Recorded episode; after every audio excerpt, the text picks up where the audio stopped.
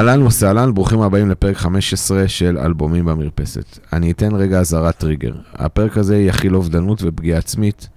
מי שמרגיש לבד, בודד, בדיכאון או חושב לפגוע בעצמו, אה, ממליץ להתקשר 1201 לערן. למרות ששם האלבום שאנחנו נדבר עליו נקרא ברחם, הוא האלבום השלישי של נירוונה, הוא לא היה מבשרה של לידה מחדש, אלא מכתב התאבדות. למרות שיצרה אותו להקה הכי גדולה בעולם דאז, הוא היה הביטוי הכי אישי של יוצרו. ולמרות שקוביין כבר לא איתנו כמעט 30 שנה, הסתלקותו מהדהדת יותר ככל שהזמן עובר.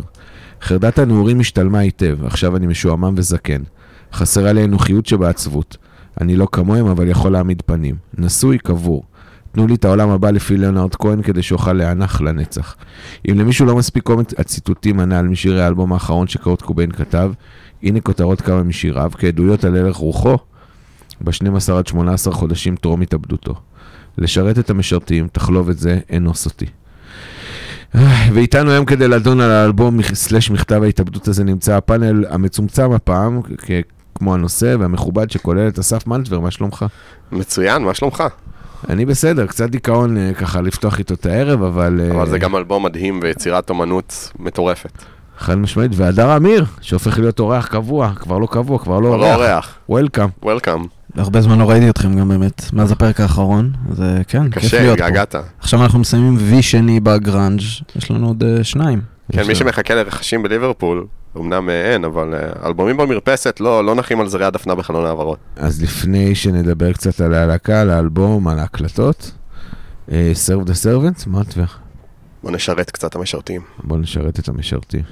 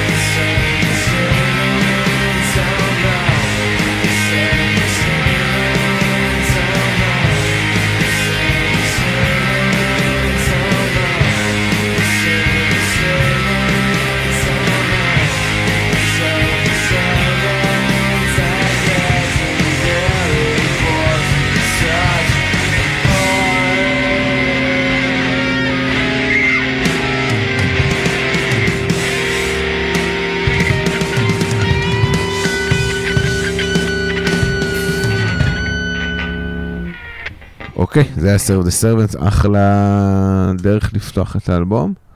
קצת על השיר ועל הלהקה, אדר. Um, אני אדבר על להקה. Um, אני לא אחפור יותר מדי, מי שרוצה לחזור לפרק על פרל ג'ם, דיברנו שם באמת על כל הסצנת גראנג' מאוד uh, um, באריכות. Uh, אז אנחנו מדברים פעם נוספת על סיאטל של אמצע שנות ה-80. התקופה כנראה הכי יפה אי פעם של המוזיקה מאז שנות ה-70. Uh, שהגראנג' התחיל לתפוס תאוצה עם להקות כמו mother love bone, stone temple pilot, sound garden, temple of the dog, pearl jam, alice in chains, green river. ולהקת הגראנג' הראשונה. ולהקת הגראנג' הנכונה, הראשונה. מדהני. כן, אה, חשבתי שאנחנו נגיע לנירוונה תכף. אז לא. הכל התחיל ב-85. כשקורט קובן וקריסט נובו, נובוסליץ'. נובוסליץ', שזה לא uh, קשר של ליברפול החתימה בתחילת העשור הקודם בשנים החשוכות, אלא הבסיס שנראה. זה אבא של בייטטיץ'. נפגשו, לא, נפגשו לראשונה. הוא מזכיר לי, הוא מזכיר לי יותר את היובנוביצ'ים כאלה. יכול להיות. קיריגקוס. יש לו שורשים סרבים, זה בטוח, יוגוסלבים. הם הריצו להקה שקראו לה אה, אה, מלווינס, אה, ורצו להיות ממש חלק ממנה, הריצו אותה ברמה אה, מאוד כזה הגיעו לחזרות, להופעות, רצו להיות ממש משהו מהם. הופיעו בברבי בתחילת החודש, אגב. באמת? המלווינס, כן. שתי הופעות בברבי. תחילת החודש היינו בבלר, אז אני מניח ש... כן, זה היה בעשירי ליולי שהיינו בבלר. כן. אמ, אחרי שהם מאוד הושפעו מהם, הם החליטו להקים להקה משל עצמם, ויחד עם אירון ברקהרד קמה להקת נירוונה. אה, לפני כן היה כמה שמות ללהקה, שמות ניסיוניים שהם הופיעו איתה בהתחלה, או רשמו את זה על אה, דיסקים של דמואים, אה, כמו Ted Skid Row, Ed Fred ו Pen Cap Chew. פחות עבדו, אפשר לדבר על זה שנירוונה זה כנראה אחד השמות הכי טובים אי פעם ללהקה, באמת. פלוס לוגו.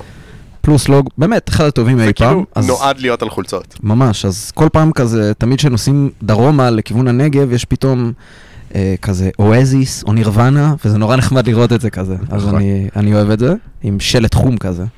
אז הגלגול הראשון של הלהקה לא הצליח בדיוק, הם אה, נורא התקשו לכתוב שירים, על אף שקורט קוביין כבר אז היה יוצר בפני עצמו.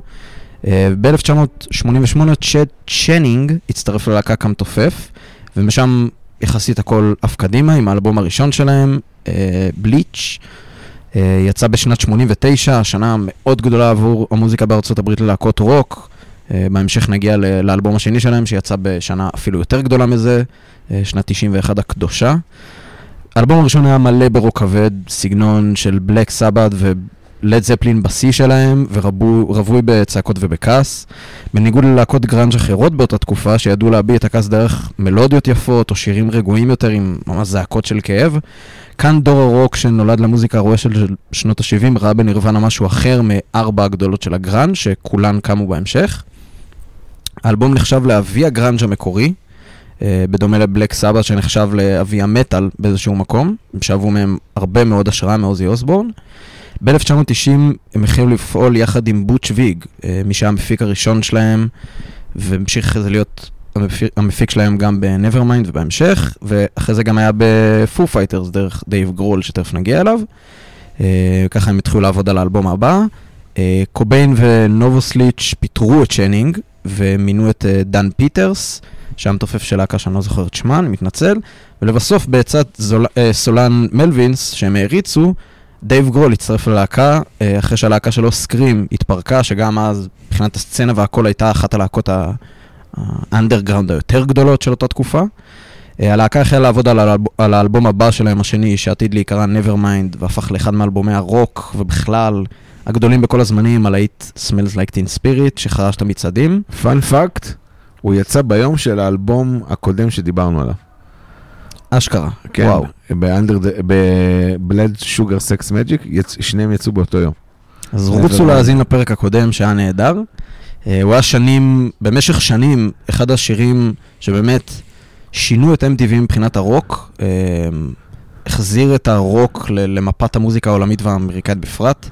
ההצלחה של הלהקה הביא את חברי הלהקה להשתמש, איך לא, בהרבה סמים ואלכוהול, וההופעות שלהם היו למיצג חולני מושלם ומהפנט של חוליגנים. אה, פסטיבל רידינג 92, שהם אחרי זה הוציאו עליו גם גרסה של אלבום, אחת ההופעות היותר מוכרות שלהם. גרול הודה בכמה שנים אחר כך ספוילר, אחרי שקורט קוביין התאבד והכל, שהוא חשש ממש שהבמה תקרוס, שכולם יאבדו הכרה ושהקהל יימחץ למוות. אחת ההופעות הבאמת הזויות, מעלים שם מישהו לבמה בחלוק של בית משוגעים, ממליץ לצפות בזה, זה ביוטיוב. באותה שנה קורט קוביין ניסה לקורטני לאב, שהייתה אה, שחקנית וזמרת בעצמה. סולנית אה, הול. כן, ובהמשך תהפוך לאחת הדמויות הכי שנואות על מעריצי הלהקה. קצת מזכיר את אה, יוקו אונו. לג'ון לנון, הרבה מאוד. השוו, בין השניים. אה, שנה לאחר מכן הם החלו בהקלטות על האלבום השלישי שלהם, שהיה להצלחה ענקית, לא כמו Nevermind, אבל הצלחה מאוד גדולה. ב-1994 הלהקה יצאה לטור האירופאי שלה בעקבות האלבום, מה שתואר על ידי ה... בעיקר הלהקה, אבל גם על ידי הקהל כאכזבה עצומה, בעיקר מקורט קוביין. הוא החל להראות תסמינים של התמכרות לסמים, אה, למרות שהוא כבר היה נשוי עם ילדים. במהלך הטור הוא אובחן עם דלקת ריאות חמורה במיתרי הקול, אושפז, וכמה ימים אחרי זה אשתו מצאה אותו מאולף בכלל. בהמשך הטור פשוט ביטלו אותו בעקבות המצב של קורט קוביין שנטל שילוב של תרופות נוגדי דיכאון ואלכוהול. Um, המצב הזה מאוד מאוד החמיר עם צריכה של הרואין בשבועות הבאים, והוא נשלח למכון גמילה כמו רבים וטובים. וכמו רבים וטובים יותר, הוא ברח מהמוסד גמילה וחזר לסיאטל כשהוא קפץ מעל החומה. אמ, שבוע אחרי זה הגופה שלו נמצאה על ידי טכנאי, אני חושב שזה היה אנטנות וכאלה שאז היה באותה תקופה, בדירה שלו, בשמיני באפריל 1994, אבל היום של הגראנג' העולמי, שאם אני לא טועה זה יום הולדת של מייק מקרידי, שהוא הגיטריסט של פרל ג'ם, שיש לי מפרט שלו.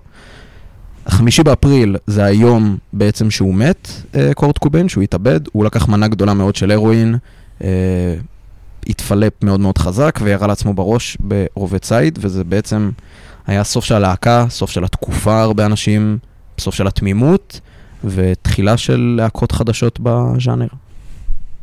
אוקיי, אז זה היה קצת על הלהקה. אה, בואו נשמע את קופסה בצורת לב. כן, שזה נכתב על קופסה בצורת לב. זה באמת נכתב על קופסה בצורת לב. שיוקו נתנה לו, אה, שקורט- יוקו. ש... טעות פרוידיאנית נהדרת, אבל. נכון? אה, יוקו להב. יוקו להב. קורטני להב נתנה לו. יאללה, מנפר, תן לנו בראש. אתן לך בראש.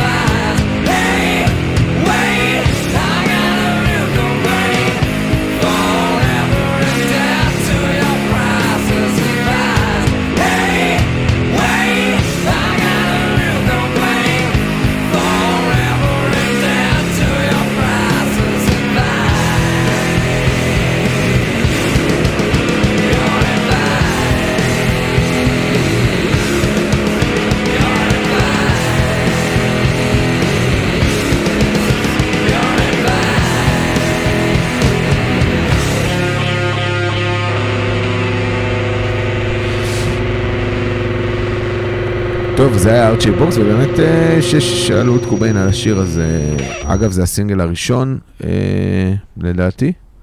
תקנו אותי אם אני טועה, מהאלבום. לדעתי זה הסינגל הראשון. אה, בוודאות זה הקליפ, אה, הקליפ הראשון מה... סינגל הראשון.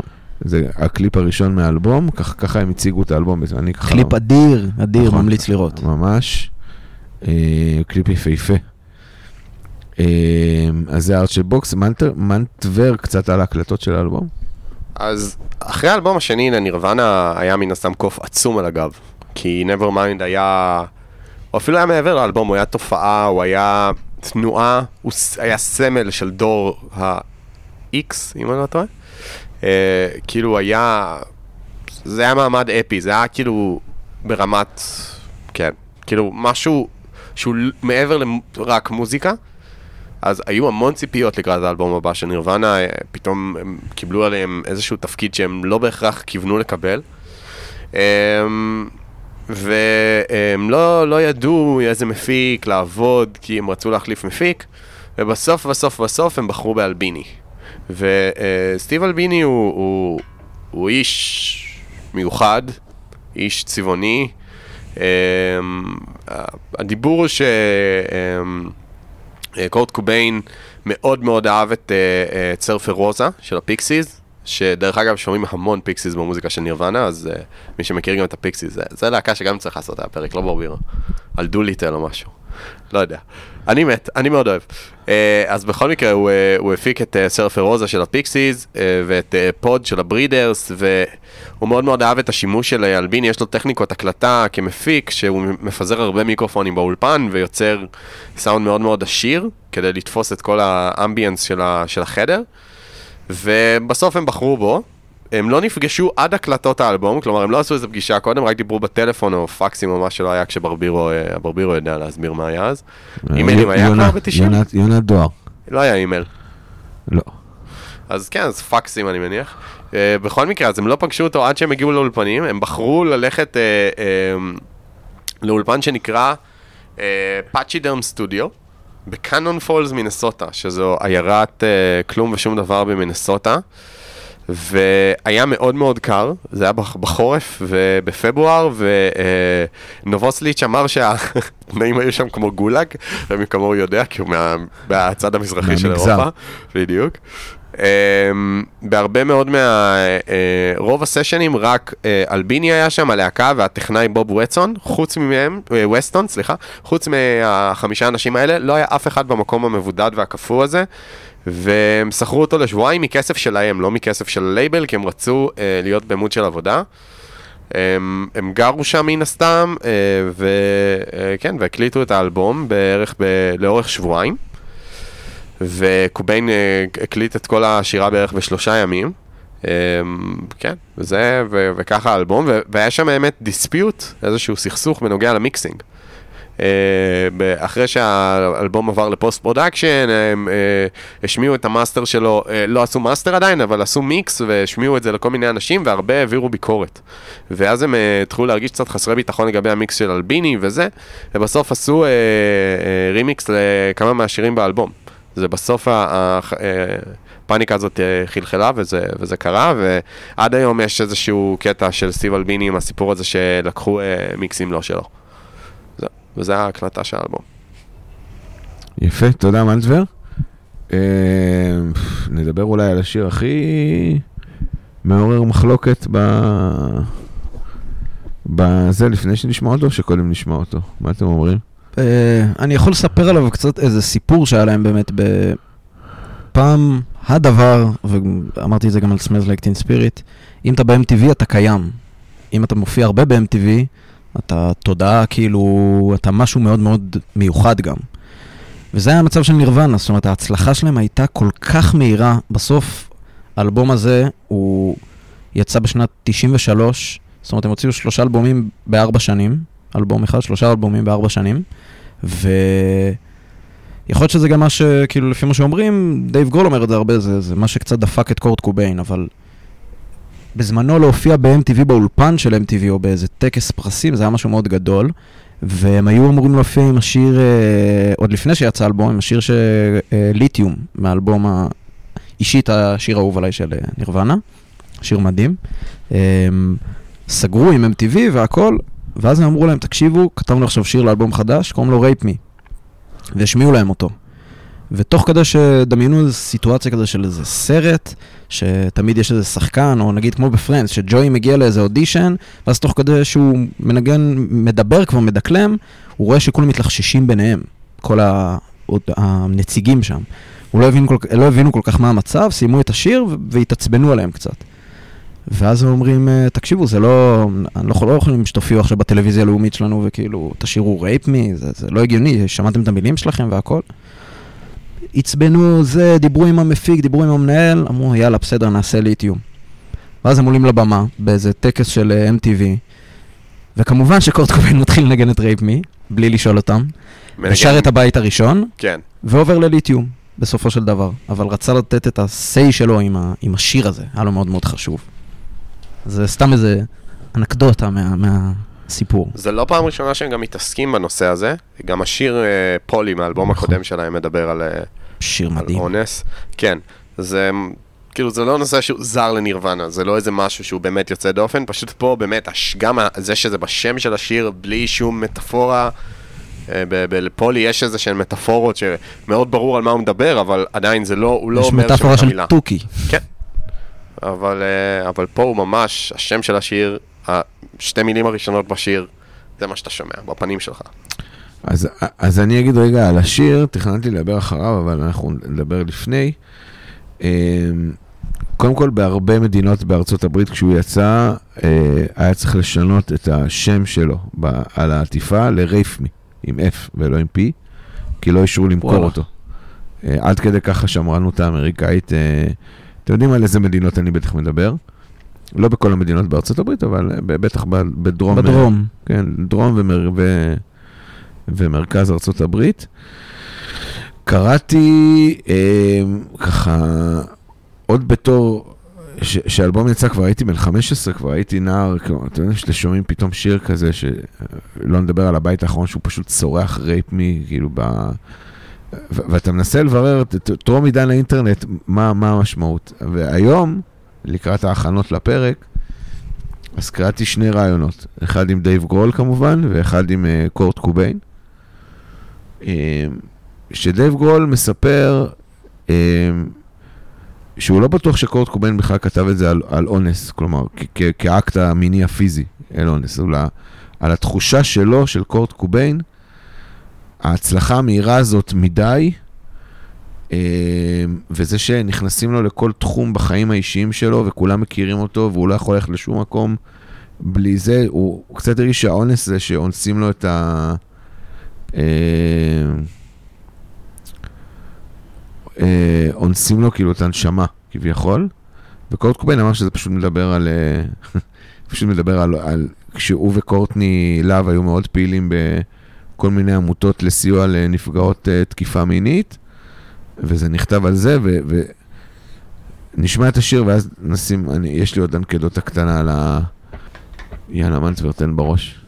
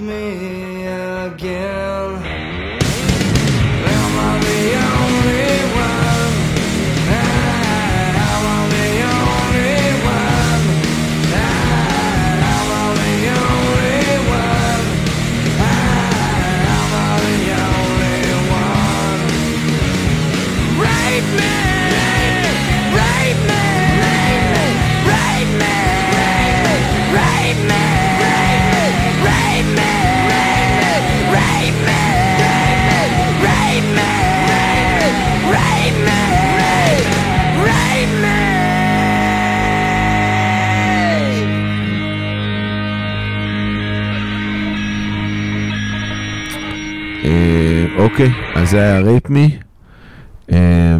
אני אגיד שקורט קובן גם אמר שיש פה איזשהו, אה, איזשהו טריק בשיר. אתם שמתם לב שזה כאילו...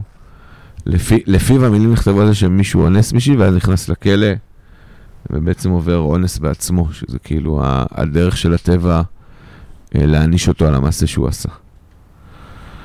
אה, קצת כמו Green Mile, הסרט, מי שראה. שכל הרעיון שם זה מישהו נכנס בעקבות משהו, נענש על זה בצורה דומה וכאלה. אוקיי, אה, טוב, אז נמשיך הלאה. אה, כן. עכשיו נמשיך הלאה. מנטבר, קצת על השם והעטיפה? או הדר? אמ, טוב, אז אפרופו, אפרופו רייפ מי, קורט קובן לא חסך במילים, גם בראיונות תמיד שהוא היה מתראיין, כאילו לא... אין פרות קדושות ואין לו... לא, לא שמו לו יותר מדי איזה מסקן טייפ על הפה, אה, אמר מה שהוא רוצה. אז השם מקורי שקורט קובן רצה לא, לקרוא זה שם לאלבום, נפלא.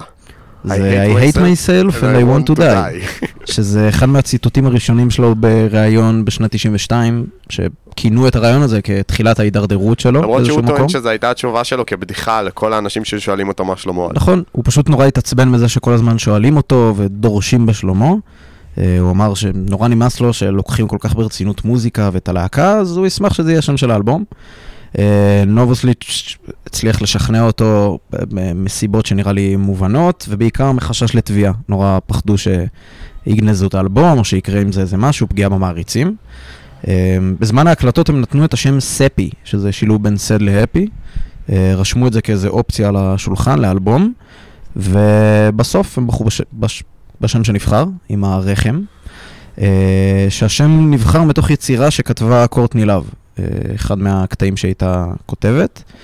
אה, בעטיפה עצמה אפשר לראות איזה גוף של אישה עם כנפיים כאלה. זה מראה שילוב בין האיברים הפנימיים שלה למערכת העצמות, לצבעים כאלה שהם קצת שונים ופסיכדליים. זאת הייתה יצירה של רוברט, רוברט פישר, זה מי שעיצב להם את העטיפה. הדמות עצמה היא סוג של מלאך כזה, וקורט קובן רצה שיתווסף לזה אפקטים או רמיזות של סקס, של נשים, של אברי מין, של לידה ומוות, לשלב בין הכל. בעצם בובת הראווה הזאת, אמ, זה, זה אפילו לא, זה סוג של יצירה, אבל זה בובת ראווה שנראתה פעם ראשונה ב-68 על ידי ריצ'רד ראש. בעצם מתחילת המאה הקודמת היו משתמשים בה. אה, מגיעה מעולם הרפואה, זאת אומרת, אה, מראים אותה בבתי חולים, במרפאות, בהרבה הסברים רפואיים וכאלה, מסבירים מה האיברים שרואים וכאלה, זה איזשהו מיקס של הכל ביחד. אה, שזה קצת איזה עניין של הלידה ומוות, שהוא נורא רצים, רצה לשים את זה פה, עוד איזה רמיזה למוות שמתקרב לו, לדיכאון, לתחושות. אה, זה הסיפור של העטיפה. אוקיי. אה, יפה. יפה וקשה וכבד, וכמו כל האלבום הזה. קורט קוביין בכלל זה דמות סופר מורכבת שאפשר לכתוב עליה ספרים וסרטים ו... ובאמת איש זה, זה כאילו מטורף לחשוב שהוא, החיים שלו היו כל כך קצרים והוא מטורף. טוב, בוא נשמע מה שמתאר קצת המצב הנפשי שלו אולי. דם. דאמב. יאללה. I'm not like them back in the town. The sun is gone, I have a.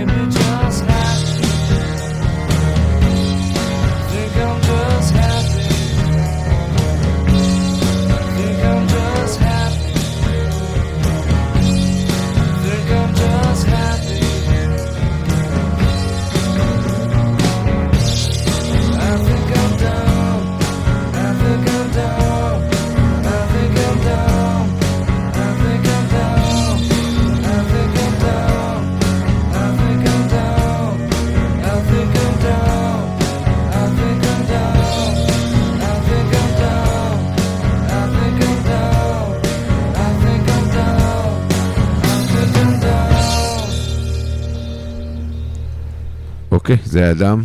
קצת על השיר, הדר. קצת מתאר את ה... חוסר מודעות, איך, איך תקרא לזה?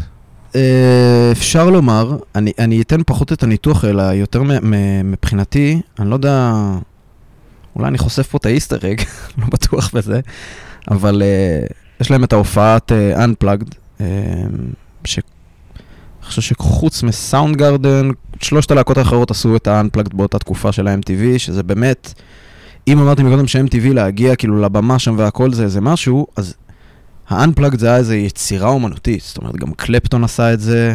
אמ, אני חושב שההרכב של בוב מרלי עשה את זה, זאת אומרת, בלי בוב מרלי מן הסתם. היה לזה איזה אפקט מאוד של Wailers, כאילו... כן, אני חושב, אם אני לא טועה. אם הגעת למצב של ה-Unplugged, זה גם איזה חותמת כלשהי, זה הרגיש כמו איזה, במקרה של נירוונה, איזה וי אחרון לפני שהם מסיימים. אה, אחת הגרסאות הכי יפות של זה בכלל, הם עשו שם גרסאות מדהימות. ד- דייב גרול, אני לא מכיר את זה, אתה בטח מכיר מתופים, יש את, המקל תופים הזה שעם אה, זרדים זה נקרא. זרדים כזה, אוקיי, זה זה. אז אה, זה גם על עוד איזה שיר שאנחנו נדבר עליו בהמשך, שבעיניי זו הגרסה הכי יפה שלו, ואולי השיר הכי יפה של נירוונה. אה, נראה לי שאנחנו לא תכננו, אבל אנחנו בהסכמה מלאה. לחלוטין. אמ, אז דמבו הוא, הוא מהסגנון הזה, זה כאילו מרגיש קצת שקורט קוביין, כאילו הבין קצת מה עובר עליו, ורשם למחברת לעצמו, כזה, אוקיי, זה, זה, זה המצב שלי. לא, לא ברמת ה... אני מבין, ואני אשתנה, ואני אתפכח, ואני זה, אלא, וואלה, אני, כאילו, זה אני. זה איזה סוג של התמודדות עם מציאות כזאת. אה, גם קראתי באיזשהו מקום שה... הכתיבה של השיר הזה הייתה נקייה לחלוטין מכל מיני השפעות של סמים או אלכוהול וכאלה. זאת אומרת שהוא היה טהור לחלוטין, בהרבה מאוד שירים, כמו הרבה מוזיקאים גדולים. הוא לא היה בטוח. אני. מניח שלא, אבל אה, זה מה שהוא טוען, טען לפחות בתקופתו. אמ, ושחברי הלהקה מאוד נבהלו מהשיר באיזשהו מקום. אם נבהלו גם מרייפ מי וכאלה, פה זה היה מאוד... המוזיקה היא דיכאונית, המוזיקה היא שקטה, היא מאוד... כן, זה נראה לי... אוקיי. אה, בואו נחלוב את זה. יאללה.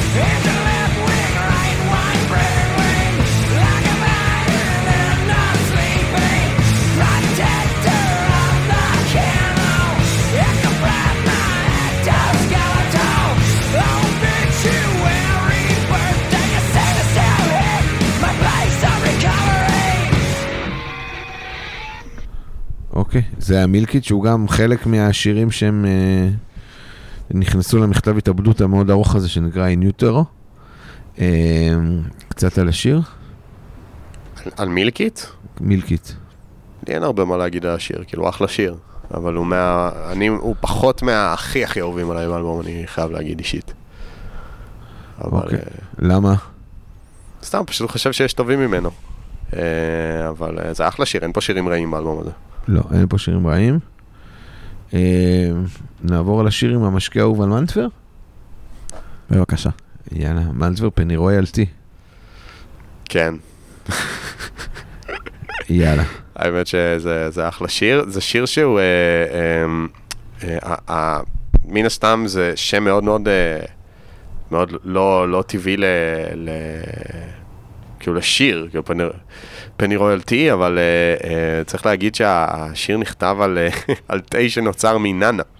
כן, זה, זה הרפרנס של, ה, ש, של השיר, ש, שהיו משתמשים בו בתור אה, תרופה פעם, כאילו, בימי עבר. אה, כן, מי שרוצה לשתות תה עכשיו, הצמח בתגובות. יאללה, פני רויאלטי.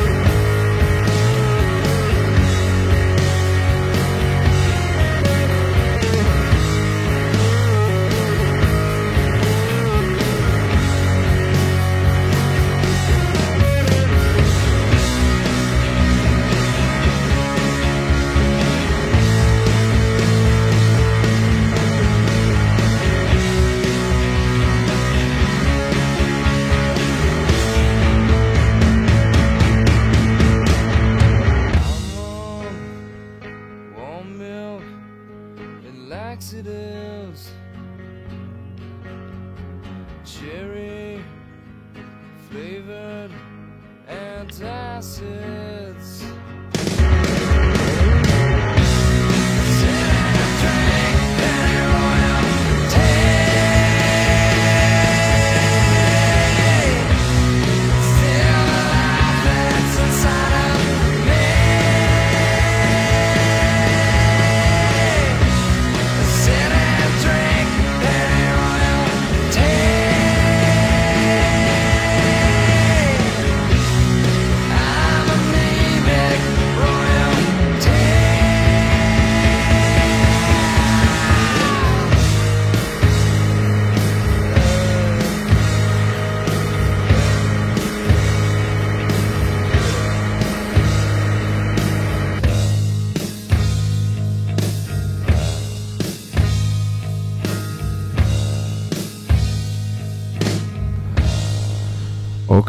זה היה פני רויאלטי, ולפני שנסגור ונדבר על השיר האחרון, שהוא גם השיר האחרון של נירוונה, אה, קצת נירוונה בשבילנו? מנטבר, אתה רוצה להתחיל? נירוונה, זה, נירוונה זה, זה אחת הלהקות הכי מדהימות שהיו בהיסטוריה מבחינתי. כמו שאמרתי על קורט קוביין, אבל בעצם שלושתם הם אנשים מאוד מיוחדים. כל אחד שם, גם קריס שהוא כאילו אולי פחות מוכר ויותר נחבא אל הכלים ויותר. אבל הם, זה שלוש דמויות מטורפות ש, שלחשוב שהם יהיו באותה להקה, זה כמו כזה שאתה, שאתה קטן ואומרים לך להקת כוורת ואתה לא יודע מי בכוורת, ואז כזה אתה מכיר את כל אחד מהאומנים בפני עצמו, אבל אז שאתה מגלה שכולם היו באותה להקה, וגם בגיל שאתה כבר יכול להבין מה זה שכולם באותה להקה, זה נהיה עוד יותר מטורף. אז נירוונה במובן הזה היא גם מבחינתי, כאילו לחשוב על זה שדרייב גרול וקורט קוביין היו באותה להקה, וזה מטורף. Uh, הטקסטים של קוביין, הכתיבת שירים שלו, היכולת שלו להעביר מסר, האומנות שלו, הרבה השפעה מהפיקסיס בקטע הזה, על לצרוח בשירים, על לעשות דברים שהם לא הכי מלודיים, אה, לא הכי נעימים לאוזן, כי זה חלק מהאמירה שלו. Uh, היכולת שלו לתפוס תחושות ורגשות בצורה המיוחדת שלו, והחוש המלודי והקול והחזות. אה, נירוונה בשבילי היא, היא, היא הלהקת הגראנג' האהובה עליי, אני זוכר שדיברנו על... אה, חשפתי את זה עוד ב, ב, בפרק אה, שלנו על 10, שאמרנו ש... אמרתי שם שפרל ג'ם היא אחרונה מבחינתי בגראנג', פשוט לא כי רעה, אלא כי פשוט אני יותר אוהב את השלוש האחרות, אז נירוונה היא הראשונה. אה, פשוט, באמת, להקה מופתית. אוקיי, אדר? אמ, אני אתן אולי על All Apologies איזה מילה לפני אה, שנסיים איתם. אני חשבתי שקודם אומרים את זה, כי על All Apologies גם לי יש המון, אפשר. אה, אז תמשיך, תן איזה... אז All Apologies, אולי זה דלאפ, אולי זה, אני לא יודע מה, אולי אנשים פה י- י- יפלו מהכיסא, או לא יודע, אולי הולכים עם הכלב, אז ישחררו את הרצועה, אבל All Apologies זה השיר הכי טוב של נירוונה, ובכל בחינה, כאילו זה שיר, אה, מבחינתי שירים טובים באמת, זה שירים שגם אתה מפשיט אותם, גם אם אתה מפשיט אותם מההפקה שלהם, מהתופים, מהבאס, מהאפקטים ששמים מסביב, מהמיקס, מהכל, ומשאיר אותם עם גיטרה אקוסטית ושירה בעצם שהשיר הוא באמת רק הרמוניה, מלודיה וטקסט, הם עובדים. ו-All Apologies זה שיר מטורף, זה שיר מושלם. אמ, וזה שזה השיר האחרון של נירוונה, כאילו, אני לא יודע אם, אה, אם אה, אנשים יודעים, מן הסתם כנראה חלק לא יודעים, אה, במכתב ההתאבדות של קורט קוביין הוא ציטט את ניל יאנג, והוא אמר שם, It's better to burn out than to fade away. ובתרגום חופשי זה אומר, עדיף להתפוצץ מאשר להתפורר, להת, להתפורר לאבק לאט לאט. לסיים ככה, עם השיר הזה, זה לגמרי, ולסיים עם האלבום הזה, בדיעבד, זה It's better to burn out than to fade away לגמרי. והשיר הזה הוא ממש זה מבחינתי. זה ה... לסיים השיר הכי טוב שלנו. אמ, אני אתן גם איזה משהו קטן על השיר. אמרתי מקודם, לדעתי הגרסת ה Unplugged שלו זה איזה... שם שהוא צועק את, ה... את ה married כאילו בזה. זה זעקה שאתה שומע שעובר משהו על בן אדם קצת. יש פה קצת משהו בקטנה. הם ניגנו את השיר בפעם הראשונה בפסטיבל שאמרתי ברידינג, זה Reading and Leeds אגב, כאילו זה כזה אותם ליינאפים בגדול בזה.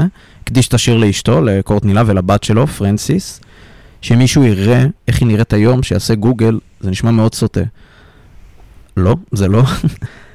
היא מאוד דומה לו, מאוד. מאוד, ברמה קצת... ש... זה, זה כואב לראות קצת. זה כמו שטיילור הוקינס, זיכרונו לברכה, המתופף של פו פייטרס שמת בשנה האחרונה. אם אתה מסתכל על הבן שלו שהם העלו אותו על הבמה ואתה רואה אותו ואני אומר, איך דייב גרול לא כאילו מתפרק על הבמה באותו רגע שהוא רואה את הזה, זה, זה ה- אותו דבר. גם הבן של ג'ורג' אריסון, דני אריסון. וואו, עוד יותר, זה, זה, כנראה הכי... כן, זה כן. קיצוני וטוב. זה דני. נכון? זה דני, כזה H. כן, I, זה, הוא הוסיף את זה. אז הוא הופיע עם, עם השיר הזה פעם ראשונה שם, אה, ויש איזה ציטוט שלו שהוא אמר שהשיר נכתב עבורן באיזה ראיון שלו בשנת אה, 1990 כבר הוא כתב את הזה. הוא אמר, אני אוהב לחשוב שהשיר הזה הוא עבורן, אם כי המילים לא באמת מתאימות ביחס אלינו. כתבתי את זה עבורן, אבל אף אחת מהמילים לא חושפת כלום. ההרגשה כן, אבל לא המילים. כאילו הוא אמר משהו, ואם תקרא את זה עוד פעם, יש מצב שלא תבין עוד פעם מה הוא אמר. לדעתי זה, זה משהו של נירוונה, שהם מפוצצים בהרבה מלל והרבה כעס, והבן אדם בלי פילטרים, וה... כאילו לדעתי מה שהופך אותם לכל כך מיוחדים, א' זה מאוד one man band, באיזשהו מקום, כמו The Doors למוריסון וכאלה, זה, הוא הדמות, הוא מי שזה, זה שאחרי זה דייב גרול פרח והכל. קריס, אני לא בטוח שהוא המשיך לעשות מוזיקה, אבל בצורה מאוד מאוד מעומעמת, קצת השתתף בהקלטות של אלבום של פו פייטרס ב-2011 שאני יודע, אבל פחות.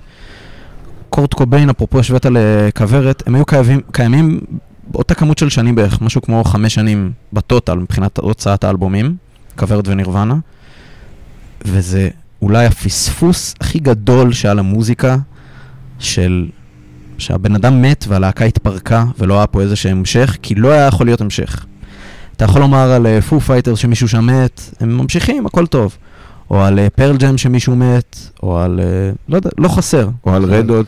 או על רד הוט. הקודם שלנו, על כן. סלובק שמת. ACDC, דרך אגב. ACDC, שזה הזוי כאילו, שהם כאילו לא התפרקו באיזשהו כאילו, מקום. דפש כן. מוד שהם זוג ואחד זה ממש, ממשיכים. לא חסר כאילו, ופה זה חד משמעית של אה, אי אפשר תחליף. וזה לא סתם אחרי זה בראיונות, וראיתי סרט דוקו גם על פו פייטרס במקרה לקראת הזה, שדייב גרול אומר כאילו, אין, לא, התפרקתי, לא, לא הייתי מסוגל. והוא הוא התחיל לספר שבאותה תקופה הוא כתב שירים, שזה האלבום הראשון של פו פייטרס שהוא הקליט והוציא לבד. הוא אומר, הייתי כותב שירים, וכאילו, בא להציע אותם באולפן, שהם הקליטו את האלבום הזה. הוא אומר, "ב- אי אפשר להשתוות לקורט, כאילו זה משהו ש... והבן אדם היה, אפרופו עוד פרק, כאילו, קווין, זה... הוא סוג של הפרדי מרקורי מבחינת, הוא לא היה צריך את הכריזמה והזה, אבל אתה רק מסתכל עליו, וזה גם המועדון 27 וכל הסיפור והזה, הוא פנים של משהו נורא, כאילו זה ממכר נורא וכואב נורא, ואי אפשר לס- לשמוע את זה בכל mode אפשרי, כמו רד הוט צ'ילי פפרס או משהו, זה נורא ספציפי, ו... אם אז עשינו אגב דירוג, אני אסיים עם זה, עשינו דירוג של הלהקות אה, גראנג' בזה, לדעתי מנדבר שם אותם, ראש... שמת אותם ראשונים, ואת פרל ג'ם אחרונים. מבחינתי אצלי זה הפוך ב... בתפיסה, אבל זה, זה, זה כמו בכדורגל, של סיימו בשוויון נקודות ואתה מתחיל לחשב הפרש שערים וכאלה, מבחינתי ככה זה נירוונה ב... בדירוג הזה. מדהימה, להקה אני פשוט. לא חושב שאפשר לדרג, אגב. אה, אבל... אז אני אגיד שאני דווקא... כן יש בי את התחושת פספוס הזאת שאתה מדבר עליה, הדר, אבל מצד שני, אני חושב שמה שהופך את, אה, את נירוונה ללא סתם להקת גראנג' אלא לסוג של להקה מיתית, זה דווקא הסוף, הסוף של קורט קוביין. כי מנטבר ציטט את המכתב התאבדות שלו, שתאר לך שעכשיו היינו מדברים על קורט קוביין, שהוא היה צריך להיות כבר בן אה, 60, משהו כזה. הוא היה צריך להיות, לא, יותר אפילו 67 כזה, סבא מקריח, איזה סאחי כזה שמגדל... אה, לא, למה 66? נכ- למה? 55. 56. כן, נכון, 30 שנה, 67. לא, אני איכשהו חשבתי, כן. אמרתי, איך יכול להיות שהוא מת 40 שנה אם אני בן 44, אבל אה, בסדר. עכשיו לפי מועדון 27. כן. אתה חושב שהוא היה עכשיו איזה מזדקן כזה ב... ב... בארצות הברית, חי באיזה אחוזה בלוס אנג'לס, אה, מרצה על אה, אה, קיימות ו... ויוצא כנגד אה, אה, המעשים של הממשלה ב- בחוק עילת הסבירות בישראל. תחשוב שהוא היה הופך לאדי ודר, בסדר? לצורך העניין. זה לא היה הופך את זה לקצת אה, אחרת את הסיפור של הלהקה? תמיד יש את ה... אתה יודע.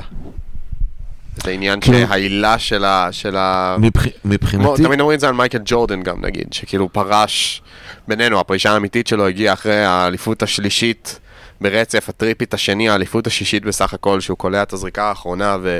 ואתה יודע, ולא... וזהו, ופה זה נעצר, כי אומרים שאם היה נשאר עוד שנה בבולס, הם לא היו עולים לפלייאוף, הם היו סתם קבוצה גרועה, והוא, והוא לא היה מסיים ככה. דווקא לסיים בטופ שלך, זה אין מה לעשות, יש איזה משהו מופתי ואיזושהי הילה שיש עליך. שזה מבחינתי נירוונה, וזה השוני הגדול שלנו עם פרל ג'ם, למרות שאת האלבומים של פרל ג'ם, הראשונים לפחות באותה תקופה, אהבתי יותר. גם אמרתי זה בפרק, מבחינתי פרל ג'ם מדורגים ראשונים, אבל דווקא הסוף, הסוף של נירוונה, הפך אותה ל- לקלאסיקה שהיא. כלומר, אתה... זה לא שאתה, פרג'ם, אתה אומר, בסדר, נהיו סאחים, יצאו כזה, הם נגד, כאילו מדברים על אה, אקלים, וכאילו נה- נהיו כאלה סבים חמודים, אה, דודים חמודים כאלה. BDS. כן, בדיוק, כאילו, אני הוא...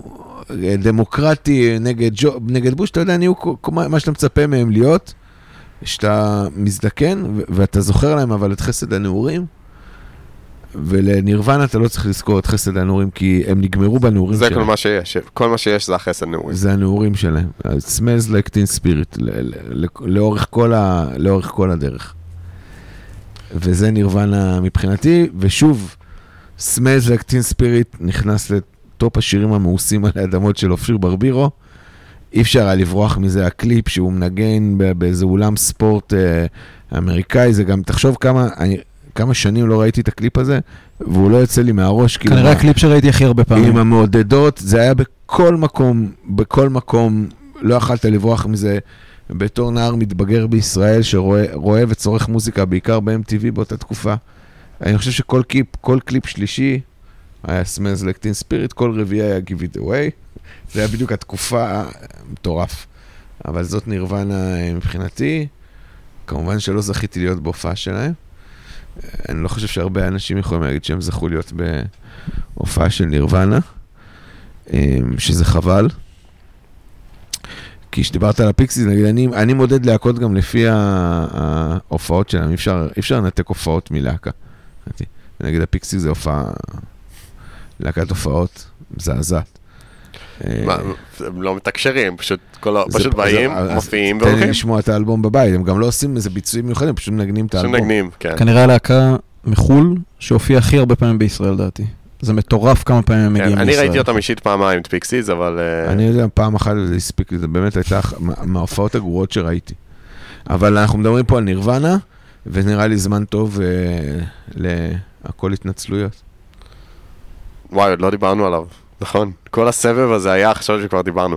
לא, דיברנו, אתה ו... לא. לא. אני אומר, לא, חשבתי ששמענו. סליחה, לא, לא דיברנו. לא, לא האזנו, אנחנו אז, נאזין אה, עכשיו, איתו נחתום. את ה... נראה לי את הפרק. תהנו מזה, זה שיר מושלם.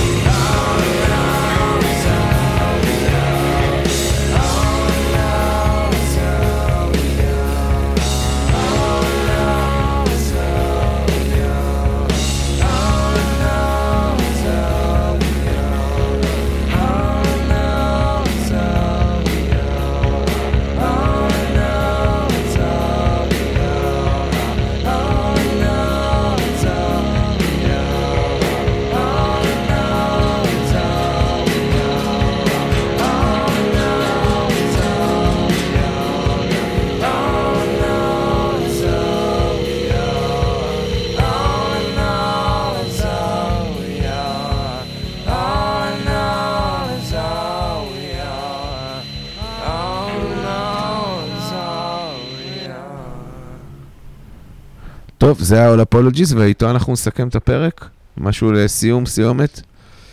אה, אני מאוד שמח שעשינו את האלבום הזה, מאוד שמח לדבר על נירוונה. תמיד שמח לדבר על מוזיקה, תמיד שמח לדבר איתכם על מוזיקה.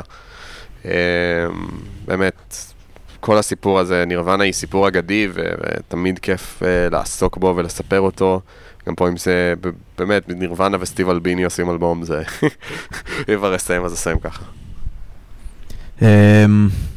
אמ, אמרתי בפרק הקודם שזה לא מובן לעשות אה, פרק על Blood Sugar ולא על Californication. אני חושב שפה זה פי כמה לא מובן לעשות על זה. אה, זה קצת כמו שנעשה על Versus ולא על 10 של פרל ג'ם, או על אה, השני של קווין ולא ה Night at the Opera, זה, זה עד כדי כך, אבל כנראה זה ההבדל הכי גדול, על אף שזה אלבום מדהים ומצליח.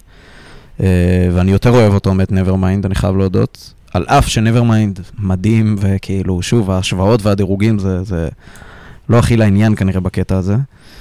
ו- ואני בטוח שקורת קוביין עם איזו עילה מזהב מאוד מאוד חזקה עכשיו אה, במועדון ה-27 שם. לא יודע אם הוא לקח משהו או שותה משהו, אבל אני מקווה שהוא מבסוט. פאנ אה, היה את ההופעה שלהם ב-Unplugged שהזכרת, שערה של קורט קוביין נמכרה באיזה 100 אלף דולר פעם במחיר. מחיר מושלם. שערה, זה כמעט כמו המפרט של מייק מקרידי. ממש. אנדרסון יכול לקנות את זה. זה משכורת של יום בשבילו. מה זה? משהו כזה. טוב, אז אנחנו מסיימים בזאת, זה היה פרק 15 של אלבומים במרפסת. תעשו לנו לייק, תעשו לנו subscribe, תאזינו, אחלה אלבומים, אחלה מוזיקה. חבר'ה סבירים ביותר להקליט איתם, אחלה מרפסת. אחלה מרפסת. אנחנו, מי שלא יודע, אנחנו פודקאסט מבית הכפית, הפודקאסט לאוהדי ליברפול בישראל, אה, שחוגג כבר אה, כמה שנים טובות. עם... אה, חמש. מאה- חמש שנים, וואו. חמש שנים. הזמן טס שנהנים. אה, מעל 250 פרקים, לא, עוד לא הגענו, מעל- מעל 200 פרקים. וזהו, 250 בקרוב, טפו טפו טפו. עד הפרק הבא. נו בראש.